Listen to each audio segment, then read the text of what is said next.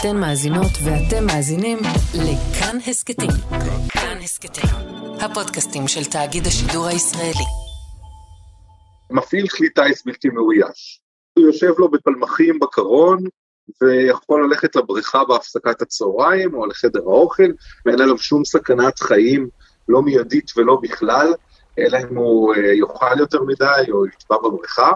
זה דוקטור אייל פרוכטר, אלוף משנה במילואים ומי שהיה עד שנת 2014 ראש מחלקת בריאות הנפש בצה"ל. לעומת זאת הוא כן נמצא בשעות הפעילות עמוק בתוך הסבך של עזה. הוא רואה דברים, הוא מתצפת על דברים, הוא מפעיל כלים שאנחנו כבר יודעים שגם עושים כל מיני דברים אקטיביים ולא רק מצטלמים ומשקפים מצב. וכשנגמרת המשמרת בדיסוננס קוגניטיבי מופלא, הוא לא אה, מנער את האבק של עזה או נושם את אבק השרפה, אלא הוא קם ויוצא ומסביבו כולם ג'ובניקים בתנאי מחיה נוחים באזור המרכז. אז איך מתיישבים על כזה דיסוננס?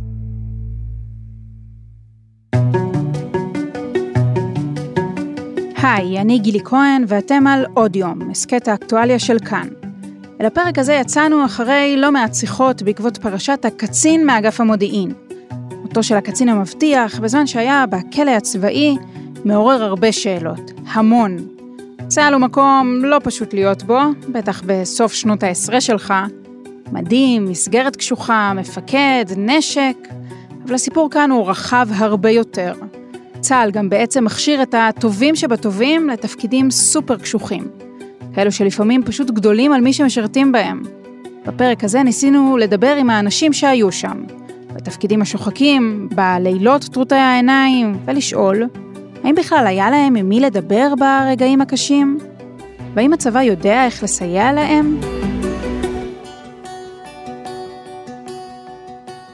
בתקופה ההיא, באמת רצף האירועים היה לפעמים קשה מנשוא. זאת אומרת, גם אירועים שעלו בחיי אדם, בחיי אזרחים, בחיי כישלונות של כוחות בשטח, אין זמן לזה.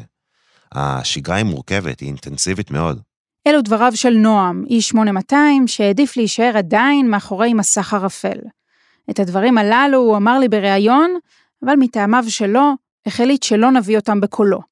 ולכן אורי לביא קורא אותם בשמו ובאישורו. כשהיו מקרים של פשלות מודיעיניות, אני לא חושב שמישהו בכלל דיבר על ההיבט הרגשי והפסיכולוגי של זה.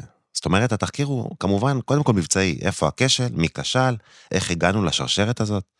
אבל אף אחד לא דיבר באמת על זה שאולי הבן אדם מרגיש שהוא כישלון, מרגיש שהוא לא שווה שום דבר. דברים דומים שמעתי מאחרים ששירתו גם הם ביחידות הכי מסווגות בצה"ל. כאלו שמתמיינים אליהן במשך חודשים ארוכים, ואחר כך אומרים בשושו את שם היחידה שבה משרתים. והלחץ שמוטל על אותם חיילים צעירים מתחיל כבר מההתחלה. בכל הקורסים של האזנות ואיסוף בבה"ד 15, כבר משלב לימוד השפה, מלימוד היכולות המודיעיניות והכישורים, את מבינה שהולך להיות עלייך לחץ מאוד מאוד גדול. מקרה אחד יחסית מינורי שאני הייתי מעורב בו ממש בחודשים הראשונים שלי לתפקיד, אחרי שסיימתי את הקורס, שגרר איזשהו אירוע, זה לא משהו שעלה בחיי אדם, אבל זה היה מאוד קרוב לזה. אני זוכר היטב מה בדיוק קרה שם, באיזה שעה הייתה האינדיקציה הזאת, זה הולך איתי הרבה שנים קדימה. נועם מתאר שבתקופתו לא היה עם מי לדבר על התחושות האלה. על קב"ן הוא לא שמע, העומס במשמרות היה כל כך גדול שבקושי היה זמן לישון, כך שגם אם היה קצין בריאות נפש לדבר איתו, הוא לא ממש השתלב בלו"ז הצה"לי. אני לא בטוח בכלל שהיה זמן לאבד את הדברים ברמה הרגשית, מרוב שהיית צריך כל הזמן לחשוב מבחינת התקדמות מודיעינית, מה הצעד הבא שלך, איך אתה מתקדם. אתה בתוך הדבר הזה, אתה לא יכול לשבת רגל על רגל ולאבד, זה לא היה שם. העבודה עצמה היא מתישה, שגרה שוחקת. אתה מתחיל את היום עבודה בשעה לא ידועה ומסיים אותו בשעה לא ידועה. אתה כל הזמן מול מחשב, זה סזיפי, זה מתיש. זה חברו העתודאי של הקצין מאגף המודיעין שמת בכלא, שמספר בכתבה של איתי בלומנטל בכאן חדשות על השגרה הלא שגרתית שליוותה את עבודתו. אבל אחד מאנשי היחידה שדיברתי איתו בעבודה על הפרק, המליץ לי לשאול את המרואיינים שאלה אחת: כססת ציפורניים כשהיית בשירות? השאלה התמימה הזו הביאה לשלל דוגמאות על התמודדות או אי-התמודדות במצבי לחץ. מריטת גבות, כאילו כבדרך אגב, בתקופה עמוסה במיוחד, תלונות חוזרות ונשנות על כאבים בלסת בגלל חריקת שיניים, וכמובן, גסיסת ציפורניים. אה, זה בדיוק העומס שמאפיין מאוד את המערכת הצבאית, קצת בגלל שזה הדרישות של המערכת, כי המציאות שלנו היא מציאות מאוד אינטנסיבית ולא סובלנית, וקצת בגלל שזה האופי של גיל המשרתים ושל המחויבות של המשרתים.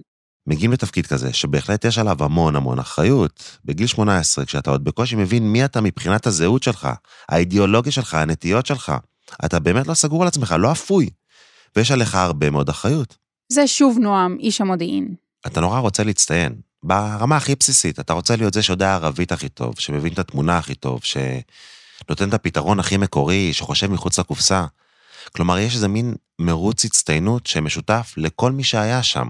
זה להביא את חוסר הבגרות וחוסר הבשלות לתוך איזה מין קלחת שכולה מי יבלוט, מי יתבלט יותר. אתה לא רק נבחן כל דקה, אתה גם נבחן מול החברים שלך, החברים הכי טובים שלך, שמבלים איתך את הלילות, את הארוחות, את המקלחות. אתה יודע שאתם אחד מול השני. זה כל הזמן נוכח שם. זו נועה כפרי, שעד לפני שנה הייתה סרן נון. היא נווטת קרב בחיל האוויר, שהשתחררה משירות לפני שנה, והספיקה להעביר כבר 12 גיבושים לקורס הטיס. אני חושבת שהסתובבתי כשווה בין שווים, כלומר, כל העמיתים שלי לעבודה גם ענדו כנפיים, או סרבלים יותר נכון, והלכו ככה ביום-יום. לא הרגשתי חריגה בנושא הזה. אבל זה קליקה שיודעת בכלל לדבר במונחים כאלה? של קשה לי, של עצוב לי, של לחוץ לי, של זה שורט. את מכירה קליקה גברית שיודעת לדבר במונחים כאלה? לא ממש. אז לא. ומועדון גברים סגור זה לפעמים שם נרדף ליחידות צבאיות, לא רק כאלו של אנשי צוות אוויר, אלא גם בקריה, במקומות אחרים. סיר הלחץ הזה מתנהל גם במתכונת שיותר דומה לאח הגדול מאשר לחיים שפויים. היום, אחרי כמעט 15 שנה מהגיוס, דברים נראים לגמרי אחרת. לשרת בבסיס סגור ולראות את הבית והמשפחה פעם בשבוע, נשמע קצת הזוי, ולכי תמצאי בסיטואציה הזו מקור לזמן פרטי או לנחמה, בטח כשאת בקורס טיס.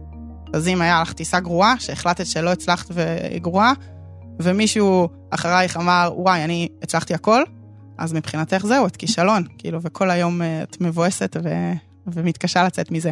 אין טלפונים, אין אפשרות ללכת שנייה לאינסטגרם, לפייסבוק, לוואטסאפ, לטלפון לאימא. את, את רק בתוך זה, את רק בתוך אה, הכישלונות וההצלחות והלימוד שלך. ועל זה, לרבים מבין החיילים במודיעין מתווסף עוד קושי. הסודיות הכמעט מוחלטת שנדרשת מהם לאור התפקיד. אתה לא יכול לספר את זה לבן זוג, לא לחברים, לא להורים, לא לאחים. יש את כל החתימה על הסכמי הסודיות, וזה מאוד חונק אותך, מחייב אותך כבר מהימים הראשונים של הקורס. אז אין מצב שאתה עכשיו תתחיל להגיד לאח, או לאחות, או לבן זוג, וואי, הייתה לי פשלה במשמרת הזאת, ודפקו אותי, וזה בכלל לא אשמתי. זו התמודדות בינך לבין עצמך.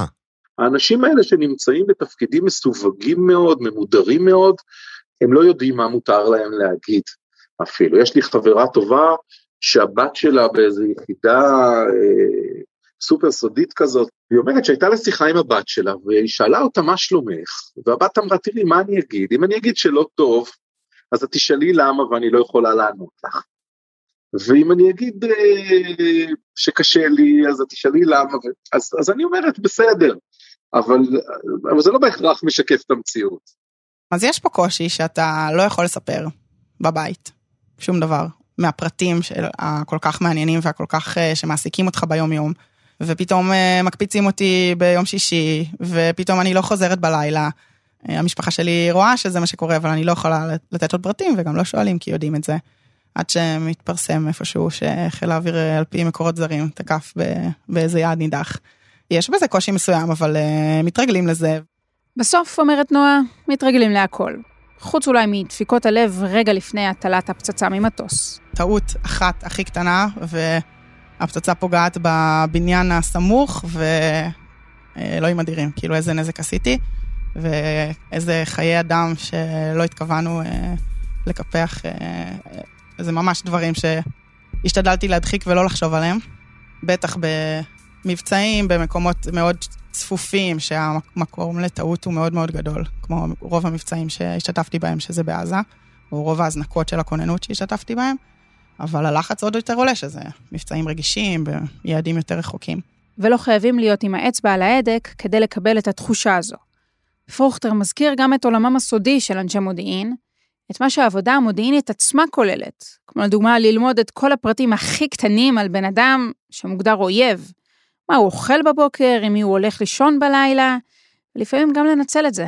אנחנו שולחים אותם במידה מסוימת לחטט לאנשים אחרים במקומות שככה לא היה מכובד או מקובל לחטט, זה חלק מהעשייה המודיעינית באופן טבעי, בתחבולות ובעורמה תעשה לך מלחמה, אבל העורמה הזאת והתחבולה הזאת לפעמים פוגעת גם בבן אדם שצריך לחפש, וכשהוא לא יכול להיעזר בחברים שלו, זה הופך להיות הרבה יותר גרוע.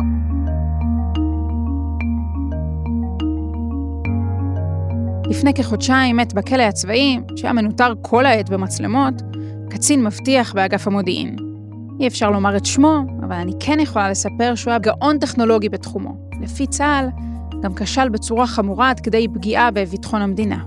חייל בריא שהתמסר ליחידה, משעות השחר עד מאוחר בלילה, הרבה פעמים עם תוצאות מדהימות, וכשמסיבה לא מובנת ביצע מעשים לא מוסברים, הוחלט שרק מאסר ארוך יפתור לצבא בעיה כלשהי, או שישבור את או גם וגם. אלו דברים הקשים של אביו של הקצין מעל קברו ביום ה-30 למותו. לפי הצבא, הקצין שם קץ לחייו, כנראה באמצעות נטילת כדורים פסיכיאטריים. אבל הפרשה הזו חורגת מסיפורו של אדם אחד, גאון ככל שיהיה. היא מלמדת אותנו עוד קצת על מה שקורה מתחת לאורות הניאון בגלילות, בקריה, גם במקומות נוספים, שם צה"ל מחבק חזק חזק צעירים מבטיחים, ומאפשר להם להתקרב ללבה הרותחת של היכולות האסטרטגיות של ישראל. ובעצם אה, החברה הישראלית בכלל מטילה עליהם גם תפקיד, גם אחריות וגם ציפייה מאוד מאוד גבוהה. מצפים שתהיה מדהים בצבא, ואחר כך גם תשתחרר ותעשה סטארט-אפ ותתקדם. אה, הלחץ שם הוא באמת מאוד גדול, הלחץ להיכשל, הלחץ להצליח, הלחץ להתמודד עם המערכת. והלחץ הזה לפעמים גדול מדי, קשה מדי, ולפעמים גם פוגש קשיים אישיים, נפשיים, של מי שעד לפני רגע היה בבית ספר. היה רגיל לזהור ולהצטיין בהכל. דווקא במקומות האלה, לא קל להודות שקשה או שמורכב, ובנוסף להכל, עידן הקורונה הרגיל את כולנו לעשות שעות נוספות מול מסכים, מנותקים. אז עכשיו ללכת להיפתח, לקבל תמיכה נפשית? זה שאני מול המחשב ומול האוזניות שלי כל הזמן, זה לא מחזק את הדפוס שלי של להיעזר באחרים. שנת הקורונה האחרונה עודדה עוד יותר את התהליכים האלה. אני רואה מתבגרים שפשוט התרגלו לא לצאת מהבית. במצב כזה, מנגנוני ההדחקה עובדים שעות נוספות. אני בטוחה שכאנשים אנחנו מתוכנתים אה, היטב להדחיק כאלה דברים. אני חושבת שאני מדחיקה כמה הדחקות uh, יש לי. יש דברים שקשה מאוד לעשות אותם בלי להדחיק, אבל uh, רוב הדברים, בגלל שאנחנו חווים אותם ביחד, כל החבר'ה בטייסת, כל הצוותי אוויר, אז אפשר לדבר בינינו, uh, וזה עוזר לפרוק. הסביבה החברתית, כך הבינו בצבא, היא זו שתאפשר לאלו שנמצאים במקומות הסודיים, השוחקים, שבהם אסור לספר, דווקא כן להיפתח. הדגש של אנשי בריאות הנפש הוא דווקא שהמפקדים הזוטרים, אלו שעד לפני כמה שנים היו שם, באותו תפקיד ממש, לזהות את הסימנים המוקדמים, לנסות לדבר ולאוורר. זה לא תמיד עובד. כי לפעמים אנחנו נוטים uh, כמפקדים לא לראות מקומות שנראה לנו שהם עובדים בשקט ובסדר. בפסיכולוגיה קוראים לזה הדרמה של הילד המחונן. ואם אנחנו אה, מדלגים על החלק הזה, אז לפעמים אנחנו מפספסים איזושהי סטיית דרך, ואז כשמגלים אותה היא לפעמים מאוחרת מדי. כי כמו שאמרנו, אנחנו באמת עוסקים פה במשהו שהוא לפעמים חיים ומוות. מדינת ישראל נהנית מהמוחות הטובים ביותר שיש כאן, כשהם בגיל הפריך משהו של תחילת שנות ה-20. היא מציבה אותם במקומות הכי קשים, בתפקידים שוחקים, עמוסים, שבעולם הגדול מגיעים אליהם רק אחרי הרבה שנות ניסיון ובגרות. אחרי הדרך הארוכה שנעשתה עבור הלוחמים שסובלים ממצוקה בעקבות השירות ביחידות קרביות, שגם היא לא הסתיימה עדיין, הגיע הזמן לדבר גם על המחיר הנפשי שגובה השירות הצבאי גם מאלו שרוב היום מאחורי מסך. אני חושב שהלקח המרכזי פה זה שצריך לעקוב מאוד מאוד טוב, כי כל טעות פה יש לה מחיר כזה גדול, שאנשים אחר כך משלמים עליהם בהרבה זמן ולפעמים גם בחיים, ולכל הצלחה גם צריך לראות איך מווסתים את הציפיות אחרי ההצלחה, כדי לא לשים יותר מדי על הכתפיים של הצעירים האלה, כי בסוף בסוף בסוף הם באמת צעירים מאוד.